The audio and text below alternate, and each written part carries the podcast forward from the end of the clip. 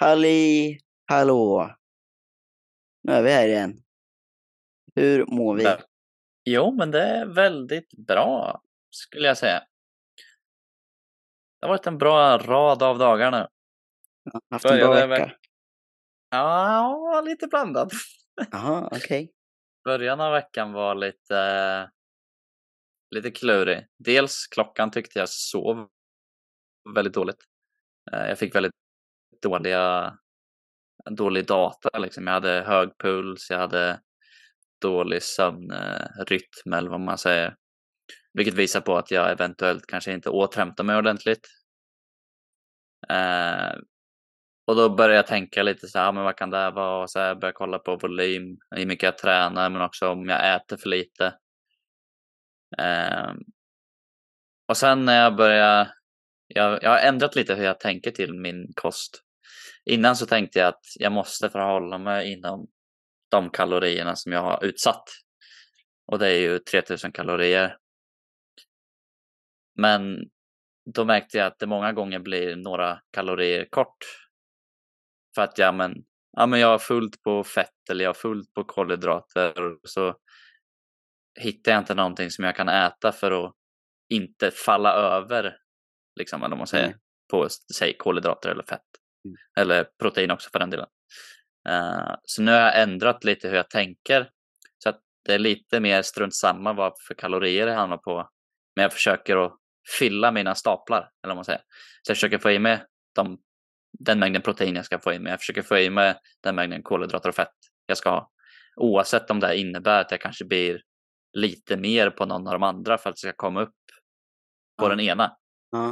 Alltså jag har ju också varit där. Och det jag, det jag gillar att tänka istället att man har intervall.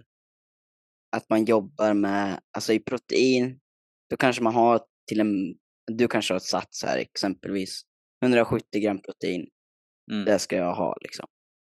Men istället att man tänker att man ska hamna mellan 160 och 180 gram protein.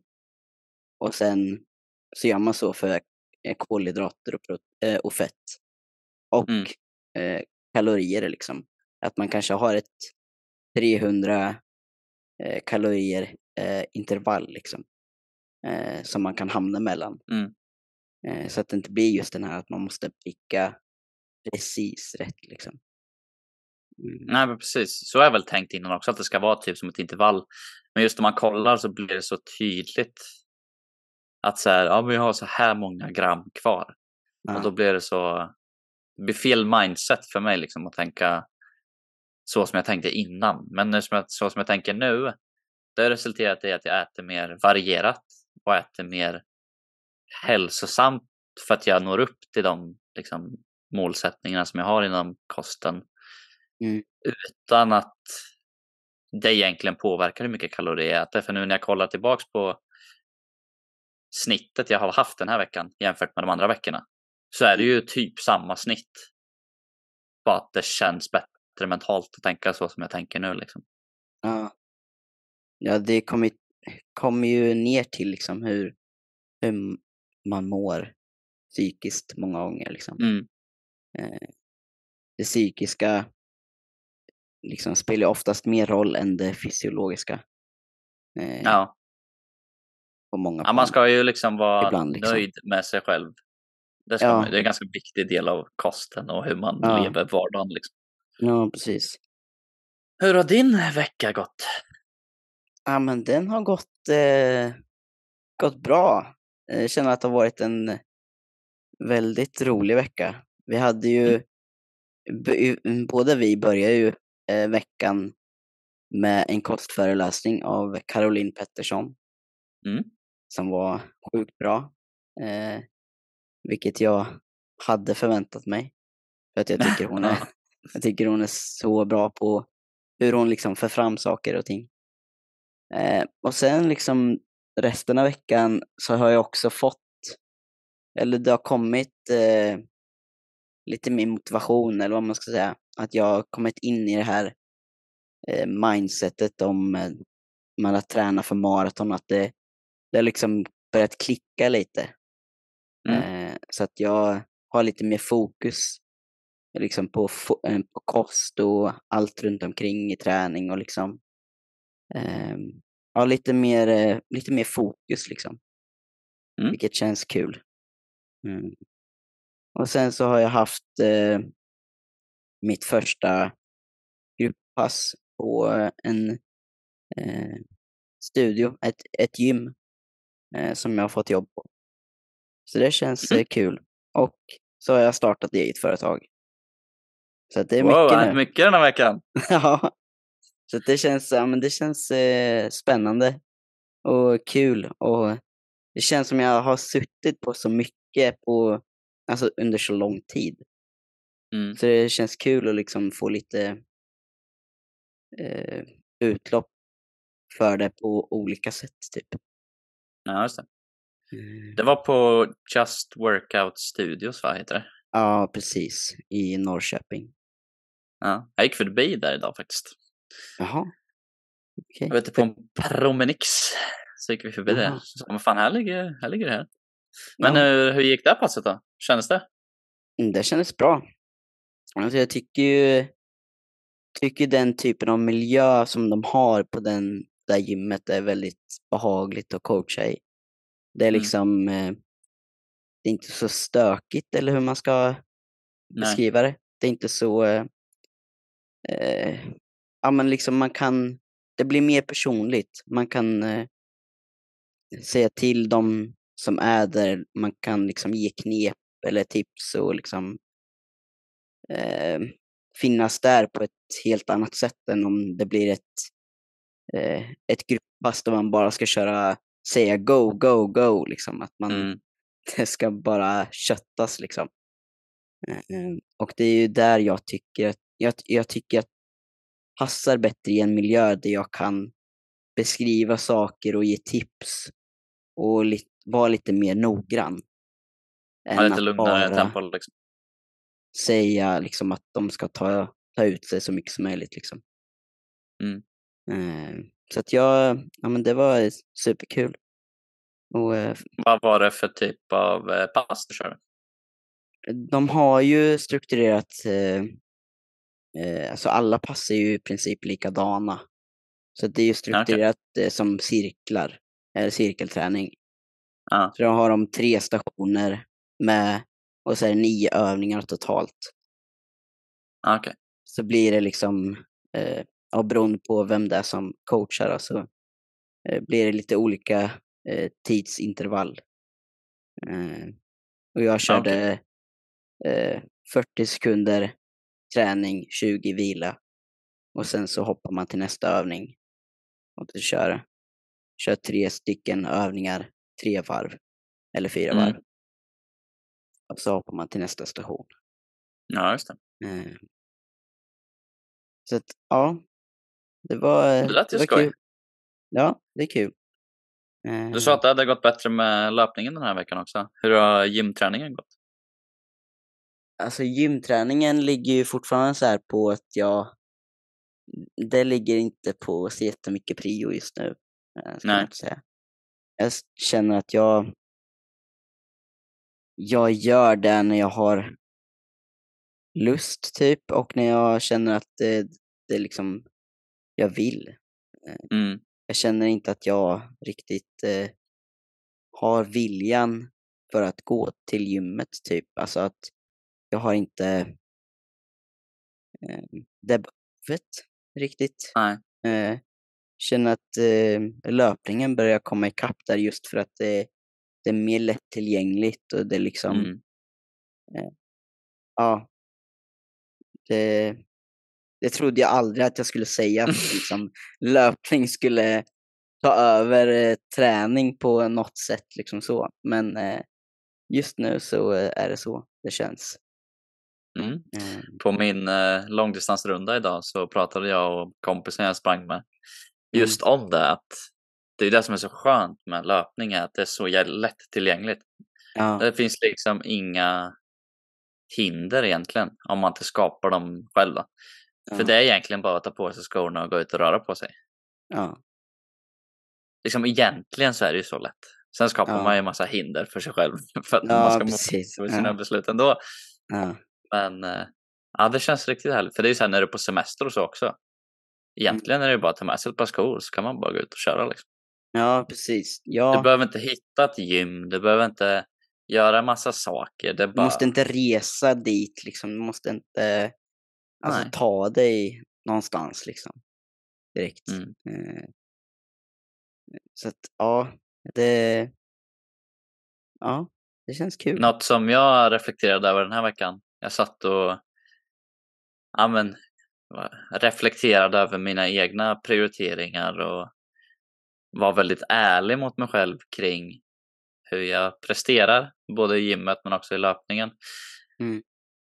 Så kom jag fram till när jag var ärlig mot mig själv att är jag lika disciplinerad och kör lika hårt med löpningen som jag gör med styrketräningen? Mm. Hur, hur, hur definierar du hårt då när det kommer till löpning? Alltså För att det- jag gör det. Att jag gör arbetet liksom. Ja, okej. ja. Det, det blir disciplin helt enkelt kan man säga. Ja. Definierar jag som hårt. Och då så kände jag, om jag ska vara helt ärlig mot mig själv, att jag är nog lite bättre på gymdelen just nu. Mm. Och att jag kanske borde bli lite bättre på löpningen. Mm. För det är ju egentligen löpningen som, som jag vill bli bra på just nu. Även om jag vill göra båda två samtidigt. Men jag vill att den ska komma upp till samma nivå som styrketräningen liksom. Och jag, jag pratade ju förut om att jag hade lite svårt att återhämta mig. Så då tog jag en vilodag i onsdags, helt från träning. Vilket var typ en månad sedan, två månader sedan som jag gjorde. Dels kändes väldigt konstigt att inte träna på en dag. Mm. Men eh, det gav utbud. För jag hade jättebra puls och jättebra sömndata kommande tre dagarna. Eh, hade en absolut lägsta snittpuls i natt på 43. Åh fan. Så, eh, och för i början av veckan när jag inte återhämtade mig så bra så låg jag på 52. Eh, och sen är jag så här, jag är ju ganska biased till att vilja tro på saker när jag börjar med saker. Den här Ja, veckan så börjar jag Den här veckan så börjar jag ta D-vitamin och omega-3 ja. Och då direkt min hjärna är så snabb på att bara Ja men det måste ju vara att jag återhämtar mig så bra är för att jag börjat med de här kosttillskotten. Men så fångar jag mig själv i tanken och bara hold up. Det kanske inte riktigt berättar hela historien liksom. Nej. Men eh, det har jag också börjat med. D-vitamin och omega-3. Jag har kört det i tre dagar nu. Eh, det är ju, jag kan ju egentligen inte känna någon skillnad. Men mentalt så känner jag en skillnad. Spirituellt. Ja. så det har jag börjat med nu efter att vi lyssnade på ja, men Caroline Petterssons föreläsning där hon pratar lite om Mm. att man kanske behöver ta D-vitamin på alla månader som slutar med R för att man inte får så mycket sol. Mm. Eh, och det har jag också märkt, för jag, blir, jag, jag försöker ju gå ut och gå en promenad varje morgon vid klockan ja, strax efter sju. Och jag har ju börjat märka att solen är inte uppe nu för tiden, klockan sju. Nej. Så då får jag ingen sol. Och då insåg jag att men det kanske är dags att börja ta D-vitamin. Ja. Och sen insåg jag också att jag fan äter ju aldrig fisk. Nej. Så jag borde kanske ta omega-3 också. Mm. Ja, nej, det är jag också eh, dålig. Har varit. Eh, jag, tr- jag tror, ju- alltså jag var duktig med o- omega-3 och D-vitamin eh, för ett tag sedan, men sen så eh, ja, var det så mycket snack om att det typ var överskattat och så. Ja, Mm. Så att jag drog mig ifrån det. Eh, ja okej. och, Jag blev eh, förvånad över hur billigt det var. Kosttillskott kan ju lätt vara ganska dyrt för att de vet att folk köper ändå. Liksom. Men eh, det var ju faktiskt ganska billigt. Köpte du på typ apoteket då, eller vart köpte du? Nej, Jag gick till apoteket först för att kolla vad deras utbud var. Mm. Eh, men de hade inte vitamin D faktiskt. Eh, just i den butiken jag var. Det kanske var att det var slut. Men, eh, men det kostade samma. som på Golden Athlete. Så jag gick till Golden Athlete istället för de hade båda två. Okej. Ja. Men det var ju samma pris, så Men någonting som jag börjat tänka på nu när jag har blivit duktigare, eller om man ska formulera det liksom med kostnaden så här. Det är lite om man kommer in på body positivity och liksom vad som är hälsosamt. Och för mig är ju body positivity nästan sin relation till sig själv. Alltså, hur tänker jag kring mig själv och min kropp? Och Ja, hur respekterar jag min kropp? Och jag har börjat komma in på ganska mycket mer på så här, men hur känner min kropp? Som liksom en separat maskineri jämfört med vad jag tänker och så här. Och dels den här veckan då när jag kände att jag inte återhämtade mig så bra så satte jag mig och lyssnade på kroppen och så här bara man försökte prata med kroppen liksom, vad saknar du eller vad behöver du? Och då var ju kanske ett svar på att äta lite mer. Mm. Eh, som jag nämnde innan, att jag började tänka om lite hur jag ska äta och sådär. Men också någonting som jag märkt nu när jag börjat bli mer strikt, eller om man säger, eftersom jag tränar så mycket så blir det lite viktigare med vad man stoppar i kroppen för att man ska kunna prestera eh, på Mm. den nivån så ofta som jag tränar. Och då har jag märkt att det är ganska lätt att få så små kommentarer från annat folk som kanske inte tränar eller som kanske inte lägger någon tanke till vad de äter. Mm. Och det var när vi var, jag behöver inte definiera situationen, men jag tog en kaka och så fick jag en kommentar från en person att eh, ska du verkligen äta den där? Är inte du på diet typ? Ja men åt det hållet. Eh, och för någon annan än jag så kanske det hade varit en väldigt jobbig kommentar. För det är ju ganska osmidigt att säga så. Ja, Eh, men då var jag ganska snabb tillbaks med att säga om det är någon som förtjänar att en kaka så kanske det är jag. Ja. För att men jag tränar ändå ganska mycket och sen man, alla ska ju äta kakor och någonting som jag tog med mig från Caroline Petterssons eh, föreläsning var ju det här. Ät allt men inte alltid. Liksom att det är helt okej. En kaka kommer inte göra någon skillnad alls. Så känner Ja. du för att ta en kaka, ta en kaka liksom. ja, det här med att eh, kommentera vad man lägger på sin tallrik, det kommer ju tyvärr aldrig sluta. Eh, Nej och eh, ja, jag kommer ihåg när jag eh, liksom ja, men, tog min eh, eh i vikt, mm, tog min vikt i lite lägre fettprocent och eh, så. Och eh, då fick jag också så här mycket kommentarer om vad jag valde att äta och inte valde att äta. Och det gjorde mig ganska irriterad liksom. Att man, Mm varför ska andra bry sig liksom vad, vad jag stoppar i munnen egentligen? Ja. Alltså så här, ja, låt mig äta vad jag vill typ. Mm. Jag tänker ju ofta kring liksom så negativa kommentarer eller negativa tankesätt generellt från andra människor. Att dels, jag kan inte kontrollera vad andra människor säger och tänker och sådär. Men det som jag tänker är förklaringen till varför folk kommenterar sådana här saker är för att de själva kanske inte har en så bra relation till mat. Och de själva kanske tänker att den här kakan är farlig. Mm. Och de själva kanske tänker att "Ah, det här kommer ju förstöra hela dagen Ja, om man skulle ta den. Och så liksom reflekteras det ut på andra för att Mm. de själva ja, men kämpar med deras egen uppfattning på deras ja kropp och precis. sådär. Och det gör, det, Ja. det gör det lättare att tänka, han säger, eller personen säger inte det för att det är mot mig, utan det är för att de Nej. själva har någonting de jobbar med. Liksom. Ja men precis. Och så Ja, kan det ju vara oftast som är det så. träning och så också. Alltså att eh, de kan påpeka så här, hur mycket man tränar eller hur lite man tränar. För att de själva Mm. är lite osäkra i hur mycket de borde träna eller hur mycket de tränar själva.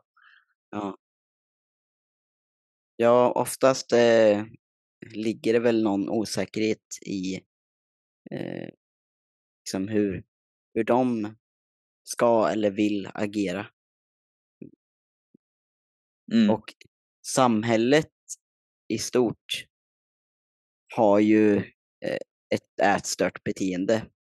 Det, det, liksom, det finns eh, hos nästan alla skulle jag nästan påstå. Alltså en, en del liksom.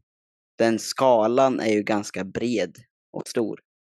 Men eh, det finns liksom eh, en gnutta av det hos mer eller mindre alla. Verkligen. Eh, sen hur man väljer att uttrycka den eh, ja, kommer ju på olika sätt. Mm. Ja, alltså alla har ju en relation med mat. Det måste Ja. man ju ha eftersom man, Ja. det är någonting man gör liksom. Mm. Och de här normerna eller samhälleliga liksom, stigmatiseringarna kanske man kan kalla det. Kommer ju fram hos alla. Alltså typ Mm. att man får en viss känslomässig känsla kring viss mat. Ja. För vissa är det kakor, för vissa andra är det pizza, för vissa andra är det McDonalds. Liksom. Och att man har en antingen negativ eller ja, oftast negativ känsla kring att den här maten är inte bra. Och i vissa fall kan det ju också vara så att man bara äter sallad. Alltså det behöver inte vara Ja, men energität mat liksom. Eh, så det kan ju gå åt båda håll. Eh, Mm. och eh, ja. Ja, det kan uttrycka sig på Någonting som jag sätt. känner något som jag känner är väldigt roligt, dels när jag coachar eh, de som jag tränar, den är, för jag fokuserar ju inte bara på träningen utan jag brukar prata om lite kost och för att liksom Mm. skapa bra vanor för att göra så att träningen man gör blir ännu bättre liksom. Mm. Eh, och då fokuserar jag mest på trender. Det spelar inte så jävla stor roll vad vi äter. Så länge trenden av vad vi äter är åt det hållet vi vill gå. Eh, och då är det så skönt, eller inte, det, blir så, det är så roligt att se när någon får bättre förhållande till mat. Mm. Alltså att det gör ingenting om man äter över vad man inom parentes ska göra för en dag. Nej. För en dag spelar ingen roll på ett helt år. Nej, precis.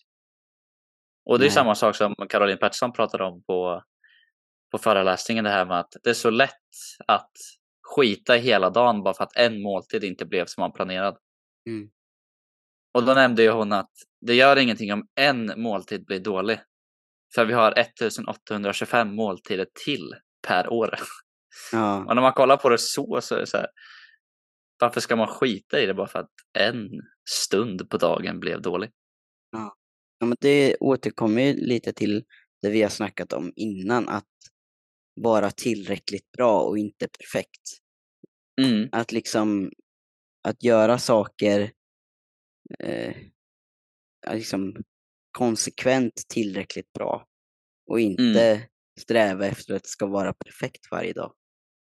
nej.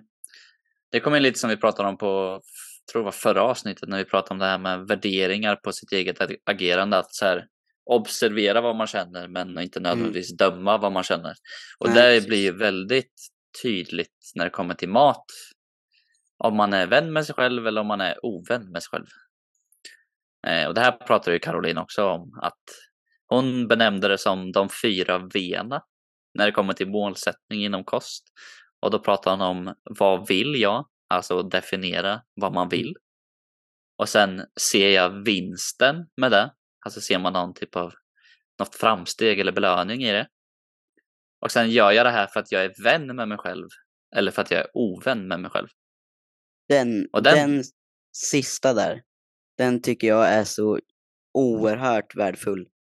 Det finns eh, liksom så mycket man kan eh, ta ifrån den eh, på många plan.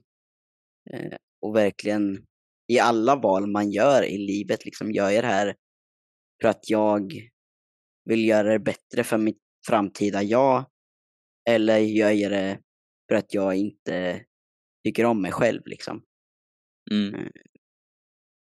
Det Något som jag blir- tänkte på när vi var på den föreläsningen var det här. För hon pratar ju som att skulle du bli instängd i ett rum med bara dig själv. Mm, Skulle det vara jobbigt för dig eller inte? ja, Och jag har väl ganska tur skulle man kunna formulera det som att jag oftast nästan hela mitt liv har haft en väldigt bra relation med mig själv. Så jag har inte så mycket negativa tankar för att jag har arbetat med att tänka positivt kring mig själv och att jag är kapabel och klarar av saker och liksom skapat en bra relation med mig själv. Men för väldigt många så ser det ju inte ut så. Alltså man har inte en bra relation till sig själv. Och lite som vi pratade om i ett tidigare avsnitt, det här med att om du skulle ha en vän som alltid är sen eller inte dyker upp alls när ni säger att ni ska ses, då skulle man inte vilja umgås mer med den personen. Men den personen är du. Är, är du alltid sen till det du säger att du ska göra? Gör du saker som du har sagt att du ska göra i tid? Följer du de värderingarna som du har satt upp? Mm. Och det kommer ju också in på det här med body positivity, liksom att tänka positivt till sig själv och inte döma sig själv när det kanske inte blir som man ska. För säg att om, när det kommer till någon annan så är det ganska lätt att förhålla sig inom ramarna för vad som är acceptabelt eller vad man borde göra. För annars kommer ju du börja skrika på mig här att nej men vad fan håller du på med? Det här, så här kan vi inte hålla på. Men av någon anledning när det kommer till en, till en själv, när det är en själv som tar konsekvensen av sitt agerande, så är det mycket svårare att göra rätt beslut. För det är ingen som liksom direkt i situationen skriker på en, vad håller du på med? Som mm. kanske en vän skulle gjort. Om man gör någonting konstigt i sin relation med sin vän. Men i sin relation med sig själv, då glömmer man nästan bort att det är en relation med sig själv. Ja. Men där får man ju betala priset för när man är ensam i ett rum och du har bara dig själv. För då kommer demonerna fram. Ja, och då kommer det sanna du börja prata liksom. Mm. Så jag tror det är viktigt att verkligen fundera kring det. Eh, jag tänkte på det här just för jag lyssnade på en podd innan. Med The Daily Stoic så hade han som gäst James Clear som har skrivit eh, Atomic Habits. Eh, och då pratar de om just det här med i relation till tid. Att det är väldigt lätt att värdera slash prioritera bort sig själv i stunder av känslomässiga beslut. Men det är lätt att välja att göra någonting eh, om det är du som får ta konsekvensen lite som jag pratade om nyss. Men om det skulle vara en vän som får ta konsekvensen för någonting du gör, då är man inte lika snabb till att göra det beslutet. För det är någon annan som blir påverkad av det. Ja, okej. Okay. Ja. Och det slog mig så här. För jag tror det, man tänker inte sig själv som en vän till sig själv. Eller Nej. det är inte så vanligt att kanske Nej. observera sig själv som sin, sin relation med sig själv. Liksom. Nej, precis. Nej, det är svårt att uh, se sig själv utifrån ibland. Mm. Och liksom uh, ja, men, se sig själv som en vän. Och uh, där kommer det också tillbaka till lite det vi pratade om, jag tror det var förra avsnittet, eller det du tog upp om att eh, om att hålla sig själv i handen typ. Mm. Att eh, ha en dialog med sig själv och liksom att man är två fast man är en. Ja, precis. liksom. Um, och mycket med body positivity handlar ju liksom om vad, vad man faktiskt känner alltså i, i sig själv. Liksom. Vad, vad är det faktiskt jag mår bra av? Vad mm. får mig att känna, eh, känna mig liksom bäst? Vad, få, vad mm. får mig att känna mig eh, liksom så jag vill känna? Mm. Och liksom... Där tog jag med mig också från den föreläsningen att definiera vad är en bra dag för mig? Ja. Vad kan jag göra varje dag som jag kommer vara nöjd med? Och sen bara försöka återskapa den dagen varje dag. Ja. Ja, Inte precis. att den ska se likadan ut, men att man uppnår de sakerna som man säger att man mår bra av, till exempel. Ja, precis. Ja, det tror jag också med mig. Och något jag eh, eh, ska eh, skriva ner. Liksom vad...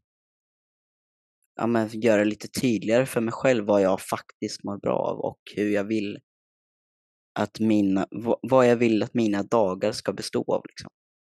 Mm. Eh, jag tror det finns mycket värde i att göra det tydligt för sig själv och skapa ramar, men att de, att de här ramarna inte behöver se, se likadana ut liksom, för varje Nej, dag. precis. Nej, hon sa ju det här, ät allt men inte alltid. Men så sa hon också en annan quote, eller vad man ska säga. Eh, genom att äta mer planerat så äter vi mindre oplanerat. Och om man vet av sig att man kanske är en sån person som ja, men lätt går och öppnar skafferiet och när klockan slår kvällen liksom så går man och kollar, oj vad har vi här? Mm. Men man kanske inte vill, för man vet själv att man inte mår bra av att göra så varje dag. Nej. Då kan man, ett bra sätt då är som sagt att börja äta mer planerat. Sätta upp ramar för vad, vad vill jag äta, vad vet jag att jag mår bra av? Men också inte döma när man väl känner för att öppna skafferiet och gå havoc. Liksom. Som till exempel när jag gick fram och tog kakan. Jag kände, ja, det är gott med en kaka. Mm. Så då tar vi en kaka för det spelar ingen roll i det stora hela. Och det är lite en sån relation man vill ha. Alltså du vill ju inte att ditt, inom parentes dietande eller din kost ska gå ut på till exempel att det blir sämre. Du deltar inte på sociala aktiviteter. För det är ju Nej. också viktigt. Alltså, många värderar ju att gå ut och äta med sina kompisar. Ja. Ska, ska din dietande innebära att du inte kan göra det, då kommer du Mm. helt plötsligt få massa andra problem istället. ja, precis. Så man måste hitta någonting som funkar i alla aspekter Mm. av ditt liv. Och då är det ju flexibilitet för väldigt många. Mm. Att kunna äta vad man vill, när man vill, men kanske inte alltid. Ja. Ja, det får inte bli eh, att de här ramarna blir något slags straffbeteende. Liksom.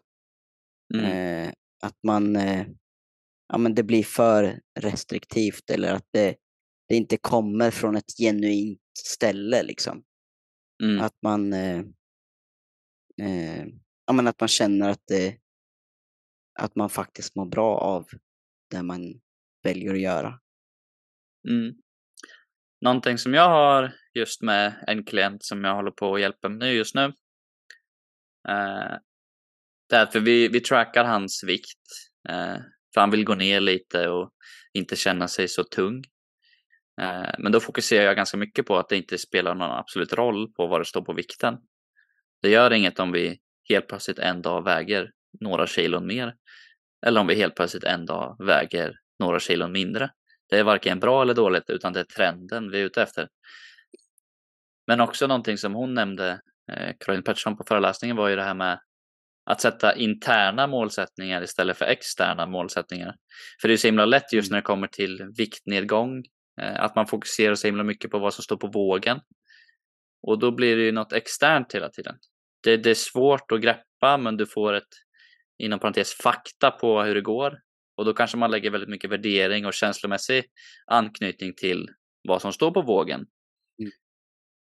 Och då kan det ju bli så att säga att det inte står vad du vill att det ska stå. Och så blir det att du mår väldigt dåligt för det. Så vill man inte att det ska vara. Nej, nej det är lätt att man, eh, men återigen att det inte kommer från ett genuint ställe och att man liksom straffar sig själv och att det blir eh, just det här, den här onda cirkeln liksom. Eh, Mm. Jag hade en väldigt dålig relation till just vågen ett tag. Eh, och jag fick ta bort liksom vågen helt och hållet ett tag. Eh, just för att avvänja mig från att den inte var så viktig egentligen. Mm. Utan att det var vad jag, vad mådde jag bra av och fokusera mer på vad jag känner och hur jag mår, hur jag presterar istället för att gå till vad, vad det är för siffra liksom.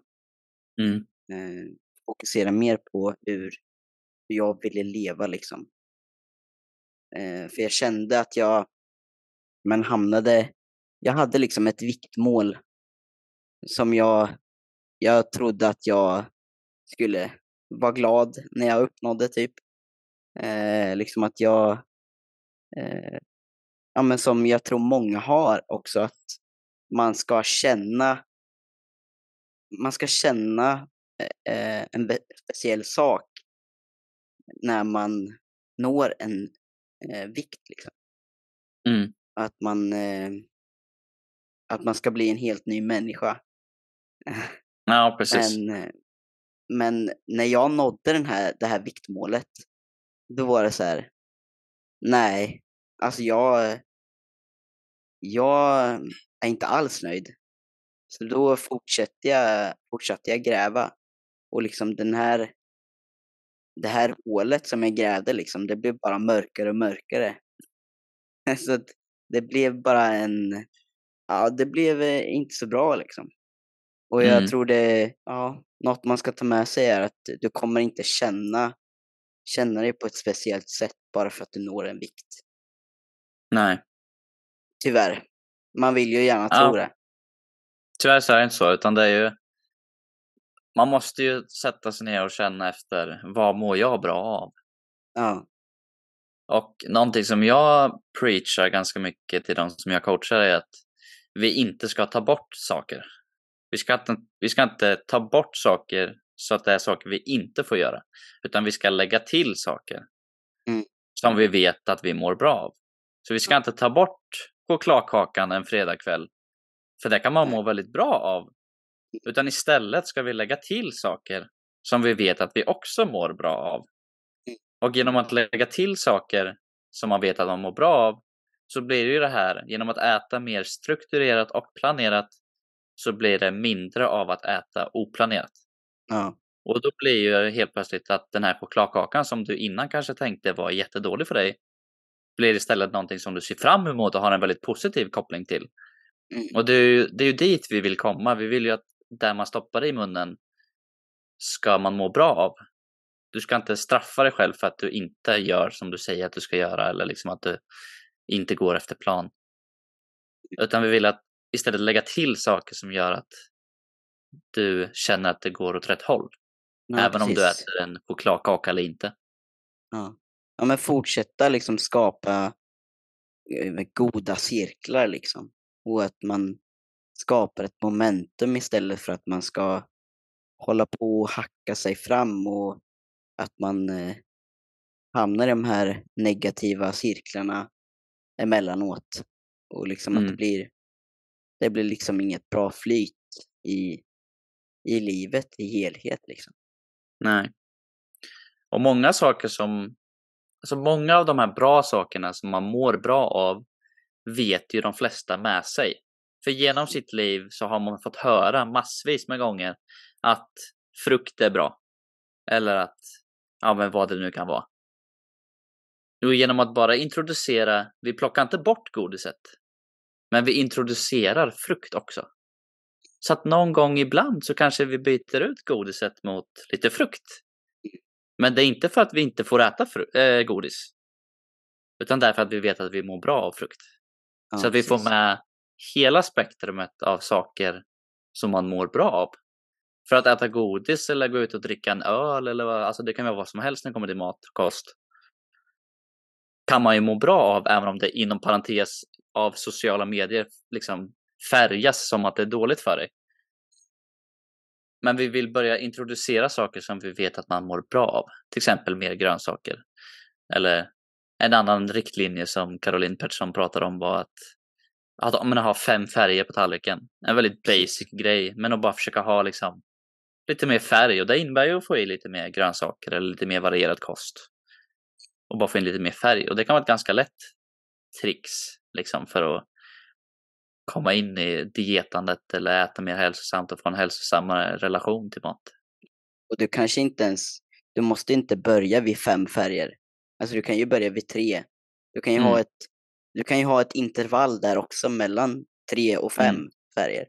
Så att du inte sätter någon slags, eh, beroende på vem du är som person, liksom, att du inte sätter en eh, bestraffning på dig själv för att du inte uppnår fem färger. Liksom. Nej, du ska ju inte börja må dåligt för att du inte har fem färger, utan du har fyra färger Nej, på tallriken. Nej, Det är precis. inte det som är enda målet. Liksom. Nej. Men också någonting som jag kände att det var viktigt att hon tog upp på föreläsningen var att man ska äta mat man tycker om. Mm. För väldigt många tror jag när de ska ja, men börja dieta och speciellt på kontorsjobb och liksom, man hör ju hur snacket går på jobb framför allt, men också mellan folk som kanske inte lägger så mycket tanke på vad de äter. Det är mycket negativa kommentarer som vi pratade om förut och så här. Och man kanske tänker att ja, men ska man dieta då måste man bara äta sallad, men man hatar sallad. Ja, men Ja. vad fan i helvete ska vi äta sallad för då? Då kommer vi ju hata livet ännu mer. Så Ja. fokusera på mat du tycker om att äta. Och lägg till saker som vi vet Ja. att vi mår bra av. Mm. Ta inte bort saker du tycker om. Lägg till saker som du vet att du mår bra. ja, precis. Och som sagt, återigen, det här är värt att repetera. Det gör ingenting om en måltid blir dålig. För det kommer massor till. Ja. Och det är ju ganska, egentligen, orimligt att man ska skita hela dagen Ja. bara för att Ja. en måltid blir dålig. Ja, det För- var ju någonting som hon, eh, som Caroline nämnde också. Att man, eh, alltså om vi får punka på ett däck eh, på bilen liksom. Det är inte så att vi sätter punka på de andra tre liksom. Nej, Det precis. är som så här, att man, man skiter ju inte i allting. Mm, Eh, så varför ska man göra det med kosten? mm. Det här är någonting som är ganska vanligt också när det kommer till tid. Alltså om man inte är så duktig på att behärska sina känslor och så, så kan ju 10 sekunder som är dåliga på en dag kan ju Mm. färga hela din dag till att bli dålig. Ja, tyvärr. Tyvärr. Och det är Ja. lite konstigt för skulle du förlora 10 kronor då skulle du inte bara, fuck det här, vi, vi kan tappa bort alla mina pengar. Nej. Så tänker man ju inte. Men av någon anledning så är det lätt att tänka så när det kommer till, till mat framförallt. Ja men fan, hela, ja, men nu åt jag en chokladkaka igen, helvetes skit, då äter vi upp hela skafferiet. Men det är inte så man vill tänka som sagt. Om du får punka på ett ex så vill du inte punktera alla tre andra också. Nej, precis. Så det handlar om att vara mogen i sitt beslut att vilja äta mer hälsosamt och ta ansvar för det man Mm. äter. Ta ansvar för att ah, men den här måltiden kanske inte blev så jävla bra. Nej. Men det gör inte så mycket. Nu tar vi nya tag vid nästa måltid. Ja, precis. För du måste ju ta ansvar för någonting för att du ska kunna ändra det. Om du hela tiden skyller på externa saker, då kan du inte ändra det. Och det här kommer ju precis. till allting med träningen. Om du säger, ja men fan jag kan ju inte gå till gymmet, det regnar ju. Då kommer du inte gå till gymmet, för det regnar ju. Och då har man ju lagt en extern anledning till varför man inte kan göra någonting. Och du kan ju inte påverka att det regnar. Men du kommer inte gå till gymmet för att det regnar. Så man vill ju Nej. ta ansvar för saker och ting och säga, ja men jag kanske kan gå till gymmet även fast det regnar. Eller jag kanske kan äta bra nästa måltid även fast den här inte blir så bra. Det här återkommer ju lite till det vi har snackat om. Eh, jag, kom, ja, jag vet inte vilket avsnitt det var, men att kontrollera där du kan kontrollera liksom. Mm, Och det, det, lägger ju, det ligger ju mycket ansvar i det också. Mm. Att liksom eh, ja, men, ta kontroll över vad du kan ta kontroll över mm, och släppa det som, som är gjort eller som, som du inte kan kontrollera längre. Liksom. mm. Ja, det kommer ju till så, alltså vad man värderar blir ju dina prioriteringar. Så det är därför vi återigen kanske kommer tillbaka till det här med att ja, men sätta dig ner och värdera. Vad vill jag? Är jag det här för jag är vän med mig själv? Ser jag vinsten med det? Alltså börja tänka ut Mm. de här sakerna i förtid så att du kan fånga dig själv när det inte går som planerat. För det Ja, kommer precis. inte alltid gå som planerat. Nej, Så är ju livet i ett nötskal. Du Ja. har en jättebra struktur och plan för hur saker och ting ska ske och så kommer någonting och så går allt åt helvete. det är ju någonting som eh, man kan ha nytta av, att man skapar en plan för man ska agera när det går skit eller när det inte Mm. går planerat. Att man skapar en slags eh, eh, ett för, eh, en förebyggande plan liksom. Mm, För eh, när det går eh, skit liksom. mm. Eh, Så att man inte bara planerar för när det går perfekt. Eh, Nej, för det är ju väl- jättelätt att göra Ja. rätt beslut när det går bra. Ja, Men det är inte så lätt att göra beslut när det inte går så bra. Nej, precis. Så någonting man kan tänka på liksom här. Hur vill jag agera när det inte, när jag inte gör det här, vad det nu kan vara. Mm. Hur vill jag känna? Eller hur, hur liksom ska jag eh, ta ansvar för det här? Mm.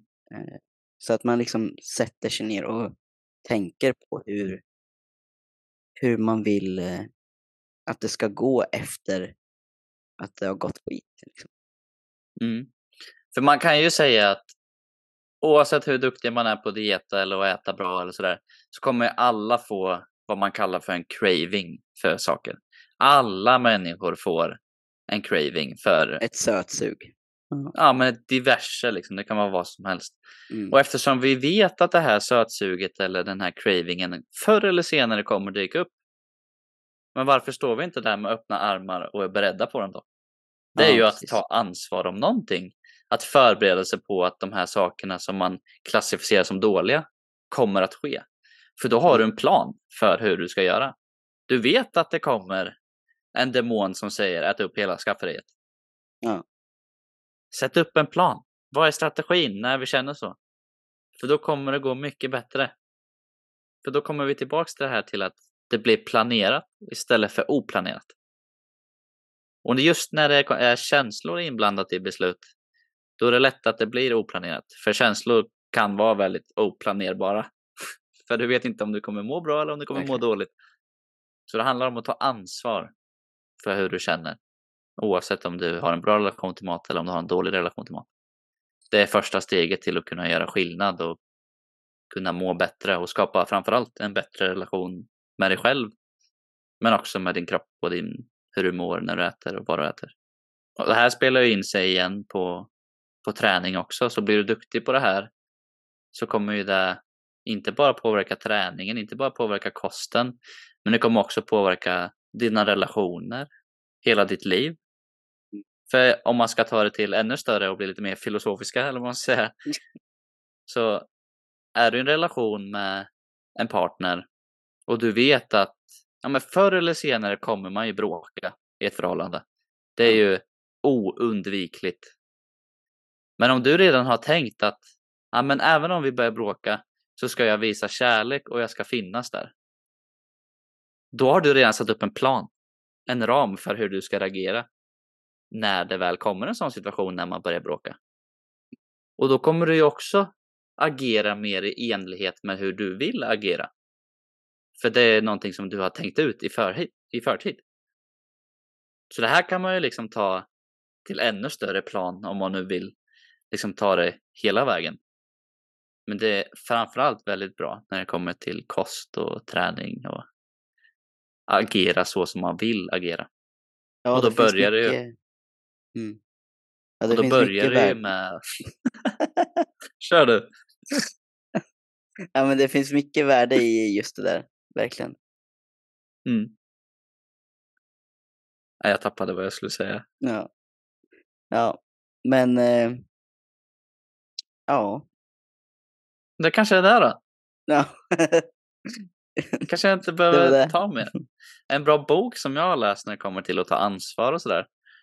Eh, det är Extreme Ownership. Skriven av Jocko Willink, tror jag. Och någon mer kan det vara. Eh, kanske kan vara lite grabbig bok, eh, för den handlar om USA och militären. Eh, Okej. Men tycker man om, för där, där den boken handlar om är hur de inom militären tar ansvar över saker. För ingen, Mm. Oavsett land, vill ha en soldat som inte tar ansvar för att de gjorde fel. Nej. Man vill ju ha de personerna som tar ansvar för hur det gick och gör ändring. Liksom ändra sitt beteende för att det inte ska ske igen. Och då handlar det om att, ja men som boken säger, extreme ownership. Ta ansvar över allt. Även fast det inte var du som orsakade att någonting hände. Hade du kunnat gjort någonting bättre? Och det här är en ganska viktig grej, alltså när det kommer till att skapa företag, när det kommer till att hantera kollegor som man inte tycker om. För du kan ju inte påverka att din kollega hela tiden, oavsett hur mycket du tycker att han är inkapabel till sitt jobb. Du kan inte påverka hur duktig han är på sitt jobb. Men om du då tar ansvar för det här och säger, ja, men vad kan jag göra för att det inte ska bli en så jobbig relation mellan oss? Behöver den här personen kanske hjälp? Behöver han guidning till hur han ska göra sitt jobb bättre? Alltså, förstår du? Om man tar ansvar för saker så kan man börja ändra saker. Och det är jobbigt att ta ansvar för saker, för då betyder det att du är, det är dig man kan skylla på om det inte går som Ja, det ska. precis. Så det är en jobbig del att ta ansvar. Men det är en väldigt viktig del om du vill förändra. För annars kommer du aldrig göra någon ändring om, du inte, om det inte är dig som det beror på. Nej, precis. Nej, då kommer man bara skapa massa hinder och eh, ursäkter eller liksom vad det nu kan vara. Att Mm. man, det blir aldrig en själv i centrum utan det blir hela världen i centrum förutom dig själv. Liksom. Mm. Mm. Ja, jag kan ju prata på hur mycket som helst inom det här området. För jag, jag älskar stoicism, vilket också är liksom ett inom den här realmen av tankesätt. Att ta ansvar över saker som du kan påverka. Mm. Eh, Så jag ska faktiskt börja läsa ännu mer om stoicism. Ja. Så jag ska börja läsa Marcus Aurelius bok Ah. Meditations. Ja. Som var en eh, romersk kejsare på, för 2000 år sedan. Den får du Ja. eh, återkomma sen. Vad du, Mm. ja, Jag tror den kommer vara otroligt bra. Men jag jag tror det kommer ta tid att läsa igenom den. För det är ganska Den- gammal engelska. Okej, men den är tjock. är den? Är bara sidor? 300 sidor typ. Okej. Så den är inte jättelång. Nej. Men som sagt, det är ju ganska tung, alltså det är ganska tunga tankar. Det är ju väldigt Ja. djupa reflektioner av hur han var som person. För egentligen så var den här boken menad att det var inte menat att bli en bok, alltså som andra skulle läsa. Han skrev ju den här boken för att reflektera över sig själv. Det var ju som en dagbok kan man säga över hans agerande och hur han kunde vara en bättre människa och en bättre Okej. ledare. Ja. Så det är ju ganska djupa tankar. Men det, Ja. it speaks volume egentligen att en bok skriven för 2000 år sedan fortfarande är relevant idag. Ja, verkligen. Ja, Så då det blir det bli väl kul. att, ja, då blir det väl att eh, liksom stanna upp när man Mm. läser eh, och tänka till. Mm. Intressant. Ja, hoppas Ja. ni har lyssnat hela vägen och tack för de som lyssnar. Ja, verkligen. Tack. Det är sjukt kul att vi ändå har någon som lyssnar överhuvudtaget. Ja. Nu är vi Eh. ju uppe i eh, drygt 600 lyssningar eller nedladdningar. Det är ju sjukt kul. Mm. Ja, får vi fira Nej. när vi kommer till tusen. Tusen ja. ja. Jag vet inte vad vi ska fira med men eh, Då firar Ja. vi med att ha våran första gäst kanske. ja, kanske. Så har du någon som du skulle vilja höra mer ifrån så tar vi gärna emot tips och tricks om hur vi kan förbättra våran podd och Ja, vad du kanske vill att vi ska prata om. För det är ju egentligen, vi tycker om att prata om allt som ni kanske har märkt. Eh, Så har du någonting som du vill att vi ska beröra eller sådär så är det bara att skriva till oss eller prata med oss i eh, in real life så att säga. Men hoppas ni har en underbar kommande vecka. Ja, Eller om ni lyssnar på den hoppas ni har en underbar dag oavsett när du lyssnar på det här avsnittet. och eh, glöm inte att ta ansvar den här dagen, Nej, den här kommande veckan. Det sista tiden på året. Sen är det nytt år igen. mm. Eh, Antingen så Ja. tänker man en dag eller så tänker du dag ett. Ja, precis. Så kom igen, nu kör vi. Tack för idag. Och, Tack så eh, mycket. Ha det fint. Hej. Hej.